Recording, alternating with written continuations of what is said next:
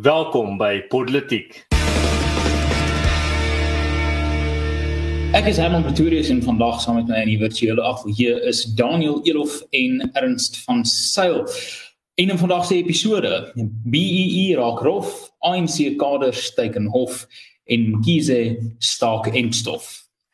Nou ja, kom ons tot ons hierdie week se politiek en uh, ons spring weg met ons eerste onderwerp wat ek moet sê vir my bietjie teleurstellend is is ek het aanvanklik gehoop die onderwerp praat eerder van B met ander woorde die Babylon B raak rol want ek dink ek dit sal 'n lekker ding wees om bietjie in vandag se episode bespreek want ek is mal oor die Babylon B maar as ons nou oor BE moet gesels kan ons dit gerus ook doen.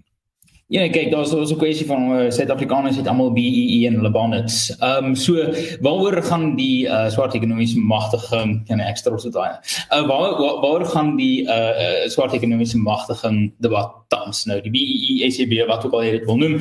Ehm um, wat ons weet is dit staan nie vir swart ekonomiese magtiging nie, want uh, dit bemagtig nie swart Suid-Afrikaners nie.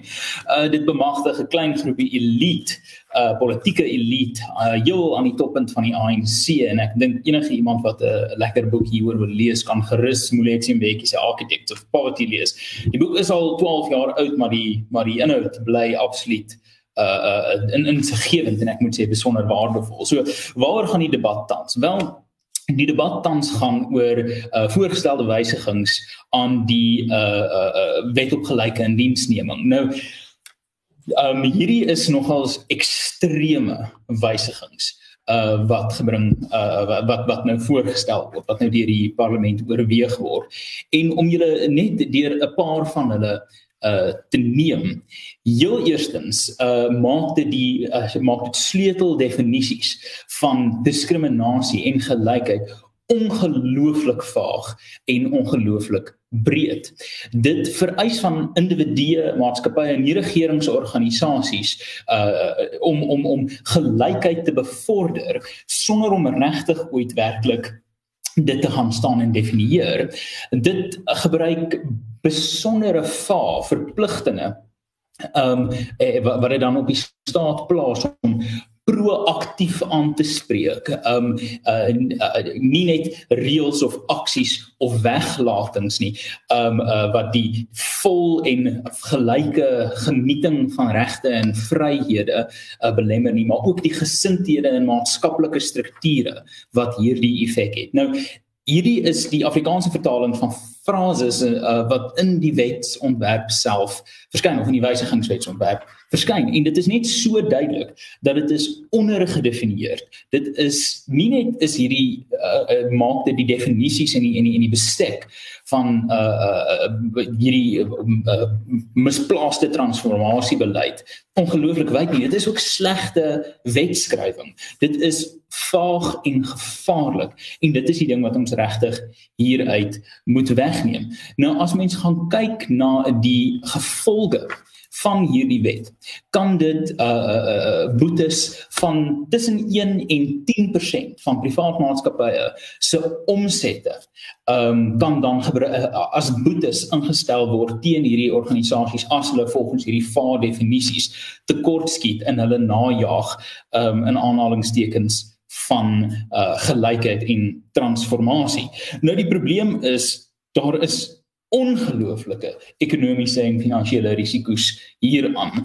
Um hierdie wetsontwerp sal sorg dat ekonomiese herstel eenvoudig nie kan gebied kan, uh, kan kan gebeur in hierdie post-COVID tyd uh, tydperk nie. Dit uh maak uh, prosesse onnodig duurder. Die prosesse wat oor die afgelope 10 jaar al reeds tussen 1.7 en 2 miljard rand gekos het vir uh, maatskappye om bloot swart ekonomiese bemagtigingsmaatreëls aan te voldoen. Um dit het 'n risiko dat kapitaal onttrek sal word uit hierdie land, dat belegging nie gelok kan word nie. So in die breë, dit is net 'n vreeslike riskante slegte stuk wetgewing wat al die onsuksesvolle elemente van swart ekonomiese bemagtiging vat en dit op steroïdes sit. En die gevaar hierso is dat die regering is gefrustreerd. Dit is die redenasie van die regering of van die staat se kant af. Die staat is gefrustreerd dat privaat besighede nie hulle rol vervul het in die transformasie van die werksmag nie sonder om ooit te besef dat hulle dalk self hier die probleem is. Die ERR se peilings dui aan dat omtrent 85% van swart Suid-Afrikaners trek geen persoonlike voordeel uit swart ekonomiese bemagtiging nie. So daai hele mond vol gesê die die die die uh, wetgewer oorweeg nou hierdie wysigings aan die wet, besondere gevaarlike wysigings en wat vir die eerste keer gebeur is waar dit in die verlede waar hierdie tipe goederes meestal vertikaal tussen die staat en ander entiteite van toepassing was skep. Hierdie wetgewing of voorgestelde wetgewing nou horisontale verpligtinge tussen individue uh organisasies en private entiteite wat besonder besonder riskant is Daniel ek het ek het drie vinnige twee vinnige opmerkings en dan een bietjie meer substantiëre reaksie op wat jy gesê het. Die eerste ene is jy jy het begin deur te sê uh, dis swart ekonomiese bemagtigingswetgewing maar dit uh, doen nie wat die naam sê nie. Ek dink dis een van daai tipiese wanbenamings. Uh, in Engels praat hulle van 'n misnomer. Uh, dit dit doen nie wat dit sê nie. Dis soos 'n uh, uh, Alle ek wil allerhande goed die Demokratiese Republiek van Noord-Korea en ensovoorts ensovoorts. Ons sal baie keer daar verwys. In die ANC se integriteitskommissie. Ja, die ANC se integriteitskommissie of die die eh, ekonomiese vryheidsvegters. Ek wil niks vir hulle gaan oor vryheid nie en hulle veg nie vir die ekonomie of enigstens uh, vir die voorspoed van Suid-Afrikaners nie. Uh so dis dis die eerste punt. Dis baie mense sê ek dink mense kyk vas aan vas teen die label. Hulle kyk vas teen oor die die idee wat hulle beoog. Uh, ons vergeet wat is die praktiese realiteit. En daai praktiese realiteit dink ek word nie beter uitgebeeld uh as as jy wat vroeër verwys het na Moletsi en Bekkie se boek nie wat 12 jaar oud is maar nog steeds relevant. 12 jaar later en B het nog niks bereik nie. Ek wil B is al ouer as daai 12 jaar maar die boek is nog steeds net so relevant soos wat dit was meer as 'n dekade terug. En ek dink dit spreek verskoon die pan boekdele oor wat 'n uh, B op die ouene in elk geval uh, bereik Dan, die derde punt. Ek ek in my volgende spreekbeurt wil ek mense net 'n bietjie vat presies deur wat in die afgelope tydperk tussen 2005 en nou gebeur het. Nou gebeur het, ja. Ek sal nou vir julle die data bring. Nou en, en dan die laaste punt van my kant af is al al wat hierdie is en, en weer eens nou wil ek vra vir mense om nie vas te kyk en, en ek weet ek is besig hier om nie te praat met ons luisteraars nie ons luisteraars is op dieselfde bladsy as ons maar daar is mense wat dink maar goed, hoe herstel ons die die goed wat in die verlede gebeur het? Hoe probeer ons Suid-Afrikaners ophef? Hoe sorg ons dat die mense wat agtergelaat is in die samelewing wel opgehef kan word? En en die punt is, jy doen dit deur nie strukture of of meganismes of raamwerke in plek te sit waar baadjies vir boeties moontlik is nie. Want dis al wat BE op die ouende is. Uh, uh, uh, hulle gooi dit onder die die hulle maak asof dit gaan oor bemagtiging, maar dit gaan eenvoudig nie daaroor nie. Dit gaan oor sentralisering van mag om te sorg dat daai mag en rykdom in so klein as moontlik hoeveelheid hande bly en dis wat ons gesien het. Die mag en die rykdom sit in die hande van 'n paar loyaliste aan die ANC en die meerderheid Suid-Afrikaners het nog glad nie voor dit daai uitgetrek nie. En wat die ANC dan eenvoudig doen in ruil vir dit is sorg dat ons bietjie huise bou, sorg dat mense oor die algemeen oppervlakkig gelukkig bly sodat hulle so lank as moontlik in in mag kan kan bly. En hmm. ons ons moet besef dat ons het 'n stryd hierso. Dis 'n stryd om eerstens teen die ANC te veg en tweedens om teen die persepsies van mense wat dink die ANC het edele motiewe teen dit te veg en om hulle regtig te wys wat is die ware nie bedoelings van BE nie, maar wat is die ware gevolge van wat op die ouende gebeur. Hmm. Wel uh, jy het nou net gepraat Daniel van dat uh, eh, BEE of swart ekonomiese bemagtiging is nie regtig wat die naam sê dit is nie. Ek dink jy kan maar net die BEE in Engels die B opgradeer na 'n C toe en dit verander na kader economic empowerment en dit sal baie meer akkuraat wees. Maar jy is 100% reg, dit werk nie. Dit uh, het nie gewerk sedert 1940 wel, sedert dit uh, in, ingebring is nie en dit het nog geen vrugte gelewer nie. Dit is 'n kaal boom wat daar sou staan wat uh, die ANC aanhou beloof as ons maar net nog meer kompos onder hierdie boom gooi, dan uh, gaan daar lemoene een of ander tyd groei. Moenie bekommer nie, dit is nou al 27 jaar, maar miskien op jaar 30 gaan ons vir die eerste keer iets kan oes van dit af. Maar een van die argumente wat ek baie keer sien mense maak in terme van rasgebaseerde beleid as jy uitwys maar is immoreel en dis diskriminasie. En sê hulle maar in die verlede was daar diskriminasie teen swart Suid-Afrikaners en rasgebaseerde beleid wat hulle benadeel het. Dis om dit reg te stel moet ons dieselfde doen. Maar jy kan nie die beste van beide wêrelde hê nie. Jy kan nie terselfdertyd sê die die apartheidsregering was boos weens hulle diskriminerende rasgebaseerde beleide nie en dan terselfdertyd sê ons wil dit eintlik ons wil dit doen. Ehm um, wat jy daar sê is eintlik jou hele missie met die einde van apartheid was nie geregtigheid nie, is eintlik maar net ek wil eintlik maar net al die speelgoed hê wat die regering het en ek wil dit by manier doen. En dit is wat ons nou sien met die ANC. Swart ekonomiese bemagtiging word nie gebruik om die gewone swart Suid-Afrikaner te bemagtig nie, dit word gebruik om die wat die regte politieke bande te het uh voorkeur te gee. En dan 'n ander wel om, om daai argument nog 'n laaste keer uh eintlik finaal uit die pad uit te vee. Is die feit dat as jy sê maar uh diskriminasie in die verlede kan net deur diskriminasie in die hede reggestel word wel dis wat jy eintlik daar sê is as daar 'n slaggat in jou pad is is die enigste manier om dit reg te maak is om nog 'n slaggat te grawe in die grond wat jy daar uitgrawe in die die ou slaggat te gooi en dan want gelykheid ja so uh, dit is absolute klug en dit is wat ons hierso sien is eintlik maar net uh ANC regering wat nie kan uh wat nie kan ophou met uh, die pad waarop hy gekies het hy wil gaan nie. En uh ek dink mense moet begin uitwys die immoraliteit van wat hulle doen. Nie net in terme van uh wat julle doen het nie goeie gevolge nie of wat julle doen het nie die gevolge wat julle wil hê nie, maar meer by die wortel daarvan is wat julle die diskriminasie en rasgebaseerde beleid wat julle gebruik is immoreel en mense moet dit begin noem. Uh, Herman net voordat jy inspring en en begin meer besonderheid vir ons wys wat in die wetgewing staan. Ek wil ek net een opmerking maak. Hier, hier die ding hier kom oor dis 'n moeilike vraagstuk oor hoe snel jy die ongelykheid van die verlede reg. Maar dit gaan oor hoe ag jy of hoe beskou jy daai ongelykheid? En wat ek daarmee bedoel is, beskou jy ongelykheid vanuit 'n materialistiese marxistiese oogpunt? Met ander woorde, daar's mense wat gehaat het en daar's mense wat nie het nie, of beskou jy dit as uit 'n oogpunt van daar's mense wat vryheid geniet het en mense wat nie vryheid geniet het nie? En die rede hoekom ek sê die wêreldbeskouing of hoe jy dit sien belangrik is, is as jy dit heeltyd ag uit 'n materialistiese oogpunt, dan gaan dit die hele tyd net 'n pendulum wees wat heen en weer swaai.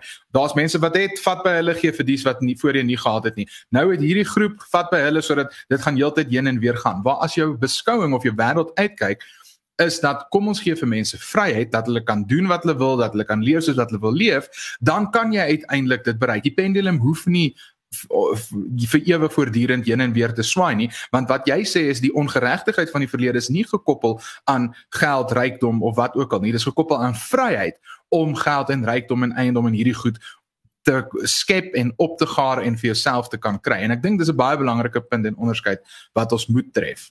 Ja, net miskien 'n vinnige baie klein vinnige punt is dit is nêrens meer uh meer ooglopend as in sport nie in terme van die argument was altyd ons wil net 'n gelyke speelveld hê dat alle Suid-Afrikaners kan deelneem aan sport en kan byvoorbeeld 'n springbok wees. Nou vandag het die ANC uh, geskuif na 'n nuwe standpunt toe, maar nou moet daar 'n gelykheid van uitkomste wees. Die spelers op die veld moet 'n weerspieëling wees van die land se se bevolking. En dit neem soveel faktore uit die uh die, uit die sig uit dat uh, wat jy daarso doen is eintlik maar net uh, die boom het nou nie enige vrugte gedra nie, so nou verf jy maar 'n klomp vrugte op hom en dan sê jy het 'n goeie oes daardie jaar. Ek moet sê ek raak heeltemal bekommerd want as ons daai logika van die regering moet vat dan moet uh, wat um, minstens 8 van die 15 springbokke springbokke op die veld vrouens wees. So sterk met daai uh, verteenwoordiging van die land. Um, ek well, as, as dit is dit is waarskynlik wat baie mense wil hê Herman ek sê maar net. Ehm um, hulle moet net identifiseer as vrouens dan mag hulle speel. Ehm um, Daniel, dis kom ons die Suid-Afrikaanse Babylon B moet begin want daai is 'n Suid-Afrikaanse Babylon B 'n uh, 'n uh, hoofopskrif. Die die die probleem is, die probleem is erns niemand gaan agterkom dis satire nie.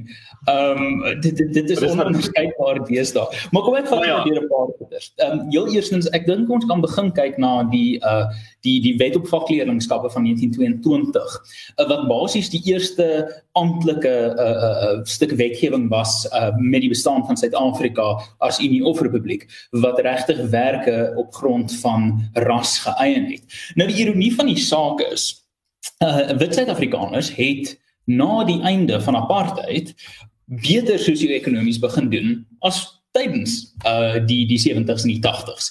So die die die die die vrye mark werk uh want hy kry mense wat dienste goedere en dienste kan lewer by mense uit wat goedere en dienste wil koop. Die probleem met apartheid was dit was 'n intens anti-kapitalistiese stelsel waar wetgewend en prakties, de jure en de facto, dit basies onmoontlik gemaak selfs vir wit besighede om vir 77 om vir 77 of 75% van die land goedere en dienste te lewer ter inkomste. So die eerste kwessie wat ons moet besef is dat ons het nooit gegaan van 'n kapitalistiese bestel onder die NP uh, na 'n uh, marxistiese bestel onder die ANC. Ons het nog altyd 'n stewige dosis van uh marxisme met ons minstens sedert die 1920s 30s en definitief sedert die 1950s. So dis die eerste ding wat ons moet besef dat hierdie tipe beleid het nog nooit gewerk nie. Wit Suid-Afrikaners het beter begin doen toe hier toe die nonsens van apartheid afgeskaf is, maatskaplik ekonomies atwas lê het tydens apartheid. Dit moet ons gelyk gee eenvoudig op die data.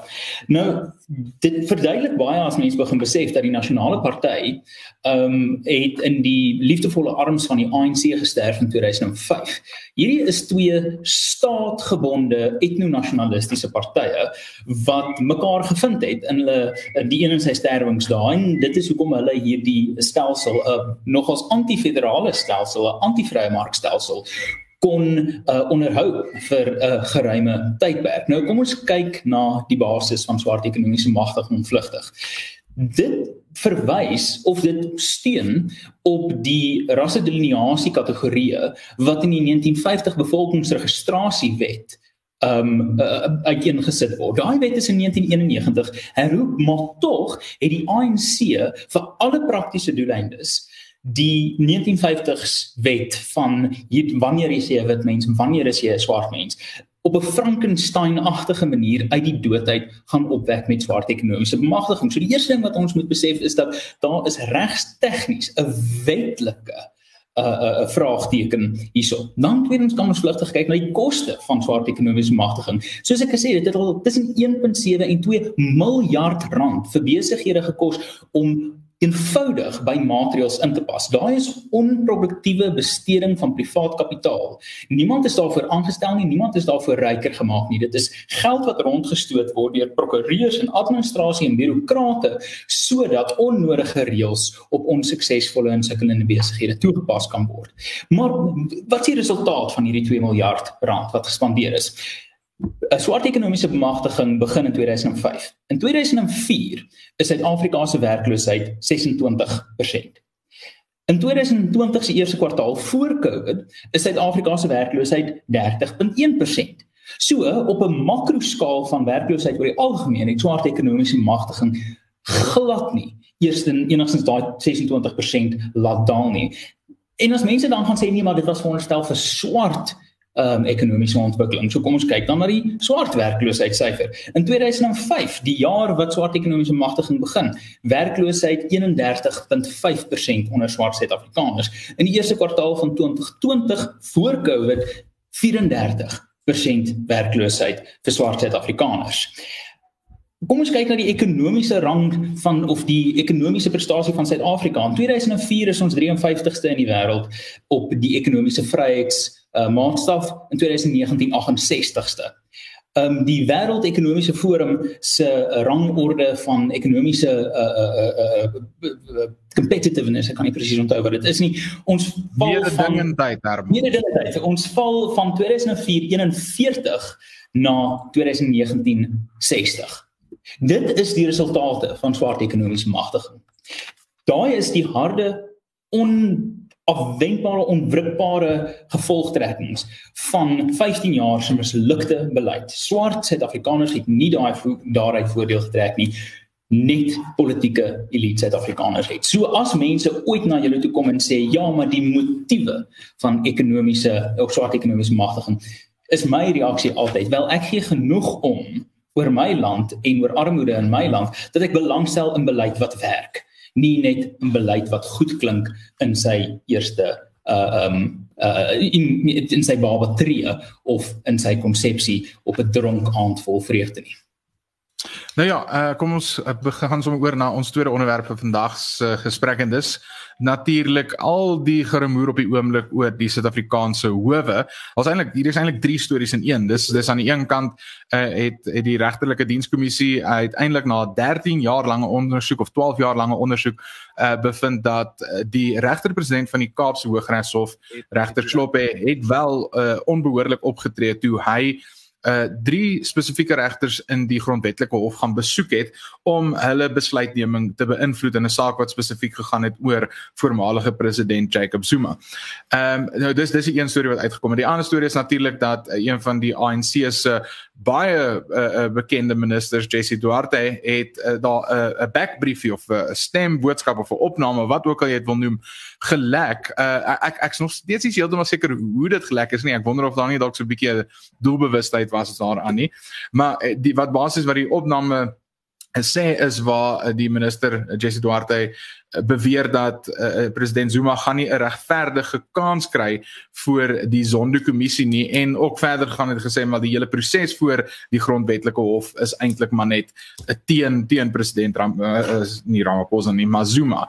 En dan 'n uh, derdens is hulle op die oomblik besig met verskeie onderhoude vir twee uh, vakante poste by of of uh, ten minste regters poste by die grondwetlike hof en daar word dit nou ook bekend gemaak dat verskeie mense uh, beïnvloed is of as gepoog om hulle te beïnvloed in hulle besluitneming op verskeie vlakke. Ehm um, ek het ek het toevallig so maand terug toe ek regter uh, of oud regter uh, Dikgang Mosenetjie se uh, autobiografie gelees. Ehm um, en en ek moet sê alhoewel ek glad nie met die man se se politiek enigsins saamstem, ek bedoel hy kom van die van die PAC af ehm um, en hy is 'n absolute uh, transformatis was dit verskriklik interessant om sy perspektief te sien van van die grondwetlike hof in die laaste 20 jaar. En hy het baie spesifiek ook gepraat oor hierdie einste insident met regter Sloppe en hoe die grondwetlike hof eh, houe gevat het en hierdie hierdie beweringe en aantuigings moes afgeweer het.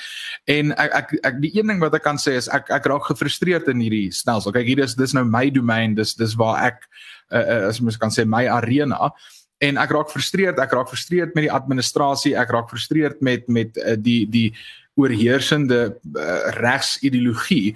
Maar wat ek vir julle kan sê is daar's nog steeds goeie mense binne die regstelsel daar's mense wat regtig omgee oor Suid-Afrika se demokrasie en en ons grondwet en die republiek.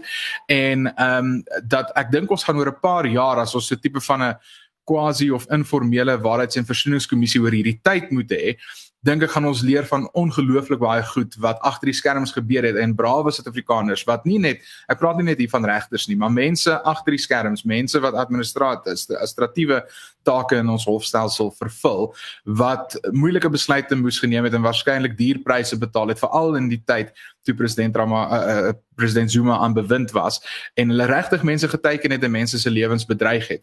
En uh, ek ek dis nou eintlik ek's besig om 'n breër beginselpunt te maak oor drie spesifieke nuus stories, maar ek dink dit is interessant en dis iets wat ons moet dophou en ek dink dis iets wat ons nog verder van gaan hoor soos wat die nuwe inligting oor staatskaping in die volgende paar maande gaan uitkom. My groot frustrasie met die Suid-Afrikaanse regstelsel is vir 15 jaar of vir minstens 10 jaar word hierdie stelsel geondermyn. En nou is dit dieselfde mense wat die stelsel ondermyn het vir 'n dekade lank wat sê o, oh, die stelsel is ondermyn. Ja, ja dis dis dis dis letterlik soort van daar's hierdie daar's hierdie mm, ou kuierige uh, uh, Amerikaanse burgeroorlog fliek Cold Mountain. Cold Mountain waar Renee Zellweger se karakter op 'n stadium sê, uh they make the weather and then they stand outside saying it's raining. En dit is nou presies wat hierso gebeur. Is jy sien vir 10 jaar lank hoe die integriteit van Suid-Afrika se regstelsel links en regs doelbewus aggressief ondermyn word deur die absolute skande wat die regterlike dienskommissie is. Waarskynlik die grootste grondwetlike klad op ons land. En dan sit ons nou hier in 'n situasie waar tragies genoeg die kritiek van die regsbank in baie gevalle korrek is en waar is. Maar die probleem is dis die mense wat nou daai kritiek lewer wat gesorg het dat die stelsel in die eerste plek sy gat sien. So dit is eintlik 'n uitsonderlike slim politieke strategie hierso. Is bedonder die stelsel wat jy weet jou op 'n stadium aan die pen gaan dalk laat ry En dan wanneer jy dit genoeg bedonder het en dit jou beurt is om voor die beskuldigde of voor die regter te staan, regter met 'n klein lettertjie R, ehm um, dan dan dan sê o, wie die integriteit van die stelsel is in sy moeder. Nou dit is eenvoudig net nie goed genoeg nie en ek dink die een ding wat Suid-Afrikaners hier moet besef en hierdie is 'n deel van ontnonsens wat ek dink te min gesê word is die howe gaan nie Suid-Afrika red nie. Daar is baie baie uh uh hoogs uh uh um gerespekteerde um en waardig gerespekteerde mense op die regsbank. Maar as ons dink dat litigasie die roete is vir die oplossing van ons probleme, dan mis ons die fundamentele uitdaging dat die reg uh uh die regspraak en die politiek alles stroom af is van 'n land uh se burgers se sin van selfwaarde en selfbelangrikheid en publieke en burgerlike deelname. Maar ekskuus Ernst, ek wil net vinnig daar inspring want ek dink dis dis so 'n belangrike punt en ek en jy het dit al bespreek is uh, die, die hof is nog 'n forum dis dis nog 'n forum vir vir mense om hulle boodskap uit te kry. En ek dink uh, Roman Cabernet het dit nou die dag toe hy 'n uh, onderhoud gedoen met Natasha Mazzoni, maar ek het, ek onthou hulle het gesê ons haar van is nie eintlik Mazzoni nie. Ek weet nie hoe om dit behoorlik uit te spreek nie. Maar in elk geval, waar hy gesê het hy hy hy het komplimente uit vir Afriforum gekomplimenteer en hy het gesê iets wat Afriforum baie goed doen is hulle gebruik die howe, terwyl mense beklei in die howe en die aandag op die howe gevestig is, bou Afriforum Solidariteit Universiteit. En en ek dink dis dis dis so 'n 'n 'n waardevolle ding om te besef. En ons gaan gaan kyk na ander voorbeelde in die wêreld. Ek ek dink daar's 'n idee dat deur die howe kan ons 'n revolusie of ek sê nie ons nie, ander mense dink jy kan deur die hof 'n revolusie bewerkstellig. Maar as ons gaan kyk wat in die FSA gebeur het, die hof was maar een meganisme wat mense soos ja. Martin Luther King hulle Malcolm X hulle gebruik het om vryheid vir swart Amerikaners te kry. Uh, die die ander goed was ander uh, metodes. Dit was betogings, dit was openbare druk, dit was om die verstande en die, die gedagtes van die bevolking te verander. En en, en dit is baie belangrik daai punt Herman. In in in hierdie opsig het Afriforum nogals iets te sê. Ehm um, want dit is nie net hulle hulle die Afriforum vat nie net die aanslag van ons litigeer en die litigasie op sigself gaan 'n probleem oplos nie. Presies soos wat jy sê Daniel, mense moet sien dat die howe is 'n komponent in die stryd om idees. Dit is nie die komponent nie, dit is 'n komponent waar daar 'n forum is vir die uitruil van idees ten gunste van vryheid. En ek dink baie keer kry ons sulke illiberale ehm um, hofuitsprake want goeie liberale met ander woorde vryheidsgesinde argumente word eenvoudig nie gemaak nie. Hmm. Uh nee, ek stem 100% saam. Uh jy praat net wel van my organisasie en met baie mooi komplimente, baie dankie. Uh my laaste een wat iets wat ek net wil byvoeg voor ons aanbeweeg na die volgende onderwerp. Toe is daar was ek dink in ja aan die einde ja uh einde Januarie uh het hulle gesê dat daar die sondekommissie gaan die name bekendstel van joernaliste wat uh in uh die staatskaping hulle hande bietjie vuil gehad het. En uh, ons wag nog vir daai name. Hulle het gesê hulle gaan nou eers 'n paar formaliteite en admin in die pad uitkry en dan gaan dit nou gebeur, maar ons het nog nie dit gehoor nie. Ek's baie nuuskierig uh om te hoor wat se um, media uh uh kaping daar was gedurende hierdie tyd. En so ek die die die die probleem is die hof het al gesê nou nou en nie nou nie. So ek weet Suid-Afrikaners se ons begrip van nou en nou nou is, is 'n interessante tyds uh faktor. Ja. ja. Nee wat uh, maar is maar iets wat ons gaan moet wag en sien. Uh, maar tans is daar geen nuus van daar af nie, maar uh, praat van uh, wag en sien in terme van uh, enstowwe is daar baie nuus waar die uh, ministers nou vir ons sê ons gaan eers bietjie met wag en sien. Uh en dit is die gebruik van Johnson & Johnson se enstof uh gaan nou tydelik in Suid-Afrika gestaak word, uh, het Willem Kiese, minister van gesondheid gesê. Ehm um, en dit sal geld tot daar meer duidelikheid is oor die moontlike verband tussen die enstof uh en die vorming van ongewone bloedklonte. Uh dit volg nadat die Amerikaanse Voedsel en Medisyne Owerheid die ontplooiing van die Johnson & Johnson enstof weens die kwestie gestaak het. Uh in enkele gevalle is aangemeld van uh, vroue in die FSA met 'n seldsame siekte toestand wat 'n seldsame siekte toestand ontwikkel het ruk nadat hulle ingeënt is. Ehm um, Kiese sê hulle verwag egter nie dat uh, die gebruik van die Johnson & Johnson enstof permanent gestaak sal word nie omdat die kwessie binne binnekort uh opgeklaar sal word. So die regering het uh boonop ek dink dat hierdie is baie belangrik om te onthou uh bykomende 10 miljoen dosisse van die Pfizer uh enstof verseker en daarom sal fase 2 beslis voortgaan volgens hulle. Ehm um, maar tans is ons nou 2 uit 3 van die hoofenstowwe wat probleme veroorsaak en wat gestaak word in in lande reg oor die wêreld en dis nie klein landjies nie, dis lande soos Duitsland, Frankryk, Kanada, Amerika. Ehm um, so die ANC sit nou al sy hoop op hierdie laaste derde een, uh die die Pfizer enstof. So ons sal maar nou wag en sien wat gebeur daar, maar dit is 'n uh, bietjie van 'n groot dis eintlik nie 'n groot struikelblok vir die ANC nie, want tot al het hulle dit nie gestaak nie, is dit asof dit 'n groot verskil gaan maak in hoeveel mense aan die einde van die maand uh, die enstof gaan kry. Ja, dit is dis dis presies die punt wat ek wil maak. Hoe gaan ons weet hulle het die die uitro die die soort van verspreiding gestaak? wat is die teken? Wat hoe dis soos om te besef soort van wanneer was daar 'n staking in die Noordwes? Dis regtig moeilik om agter te kom. Ek ek het so elke keer as ek oor enstowwe praat en ek weet daar's van ons luisteraars wat nou hier na op Twitter gaan gaan en sê Daniel uh uh my allerhande studies gaan stuur oor wat fout is met die enstowwe en en hoekom mense dit nie moet neem nie. En ek wil net my posisie duidelik maak. Ek is ek gaan nie na jou huis toe kom en jou inspuit met die enstof nie. Alwaaroor ek beklei is dat jy die vryheid het om dit te kry indien jy dit wil kry. Goed, dit eh, kom ons begin dit met dit. Hierdie hele besluit van die Suid-Afrikaanse regering om nie meer die Johnson & Johnson enstof te gebruik nie is vir my so 'n tipiese voorbeeld en ek leen hierdie by 'n vriend van ons op Twitter. Ehm um, wat hy gesê het dit is soos om by die slim kind in die klas se huiswerk af te skryf want hy is die slim kind. Dis dis presies wat ons hier gedoen. Ons gesê o, genade. Die ander lande is besig om dit te doen, ons moet ook. Maar ons het heeltemal vergeet van die feit dat die enstof hierdie Johnson & Johnson enstof net letterlik 6 gevalle van bloedklonte in amper 7 miljoen inentings. Met ander woorde, dit is 'n 0.00009% 'n 'n 'n voorkoms van van bloedklonte. Letterlik, dit is jy het 100 keer 'n hoër risiko om 'n bloedklont te kry as jy 'n 'n 'n vrou is en jy's op die pil. Jy het amper 'n 40 keer hoër 'n kans om dit te kry as jy swanger is. Jy het as jy COVID self het, enigiets tussen 20 en 60% hoër tussen 20 en 60 keer die kans om 'n bloedklont te kry as wat jy hierdie enstof kry. So ek wil net daai statistiek aan buite sit. Julle kan daarmee maak wat julle wil. Ek dink ons is besig om te ooreageer en die ander ding wat ons moet besef is Suid-Afrika sit nie in die posisie van die FSA waar ons net kan kies en keer oor watter enstowwe ons wil hê nie. Die feit dat ons nou Johnson & Johnson gestaak het, beteken nou gaan ons nog maande wag. Die FSA gaan net skaf ander aan, nou gaan hulle aan, lekker, dit gaan hulle koers bietjie laat dip, maar hulle gaan weer heeltemal van hier af regkom en dan gaan hulle hulle land kan kan inent. En ek dink ons moet eintlik maar vrede maak dat Suid-Afrika gaan nie ingeënt word voordat hierdie pandemie verby is nie. Want die regering doen alles in hulle vermoë om te verseker dat uh uh, die enstowwe nie uh versprei kan word aan alle Suid-Afrikaners wat dit soek nie. Hulle pas BE vereistes daarop toe. Hulle sorg dat private entiteite dit nie kan aanskaf nie en hulle maak dit regtig net moeilik. Ek dink op die einde moet ons net besef die ANC wil nie die hele Suid-Afrikaanse bevolking teen hierdie virus beskerm nie.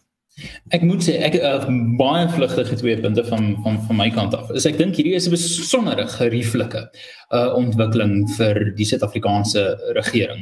Uh, presies, presies soos wat Greiling Moelman nou sê.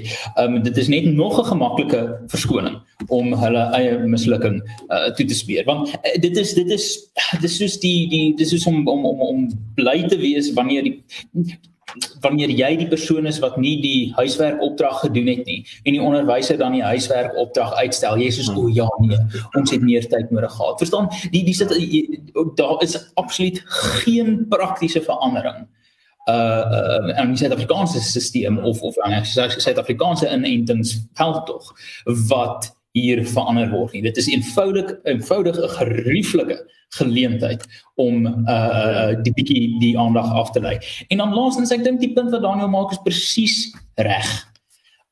As jy die, dit dit moenie gaan oor werkie enstof of werkie enstof nie. Dit gaan oor wil jy die ding in jou liggaam insit. Ek bedoel dit is dit, dit is jou liggaam as dit ware. Jy behoort reg te hê.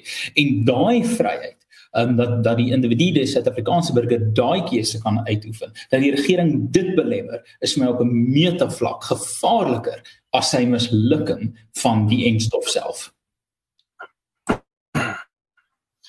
Ja, uh, ek dink met uh, wat ons hierso sien is eintlik maar net uh, jy het vergeet om petrol in jou kar te sit en nou het jy 'n papwiel ook gekry en nou gebruik jy dit as jou verskoning. Ehm um, Ek dink regtig uh, in terme van die enstof gaan uh, ons ek stem 100% saam. Ek dink nie ons gaan vinnig uh, enigstens ons mylpaale bereik nie. Ehm um, party mense is nie so geplaas daardeur soos ander nie.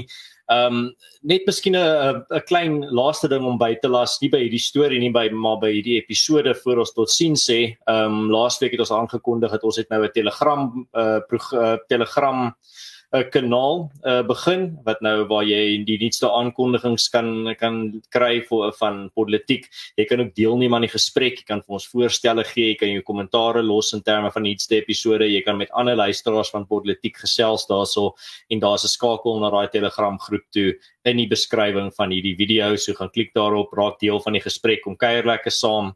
Ehm um, en as jy jou voorstelle daar los, dalk het jy los jy ook jou impak op uh, wat in die volgende episode genoem word of uh, wat in toekomstige episode gebeur. So uh, asseblief kom raak deel van die gesprek. Dit daar's al klaar 'n baie lekker gemeenskap aan die gang daar, so ek geniet baie om julle kommentaare al klaar te luister en hoe meer mense hoe beter.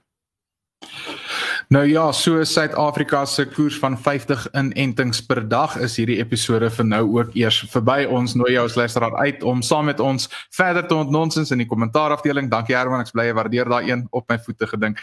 Ehm um, julle kan saam met ons gesels vir die gesprek voort. Ons waardeer almal wat elke week pliksgetrou inskakel. Los vir ons asseblief jou klagtes en gedagtes uh en laat ons ook lekker terugvoer kan kry sodat ons net al beter van 'n produk vir julle kan aanbied. Dankie ook vir al die luisteraars wat by ons Telegram uh kanaal al aangesluit het. Dit is heerlik om met julle ook op daai forum te kan gesels en dan gesels ons uh DV natuurlik weer oor 1 week. Tot volgende keer.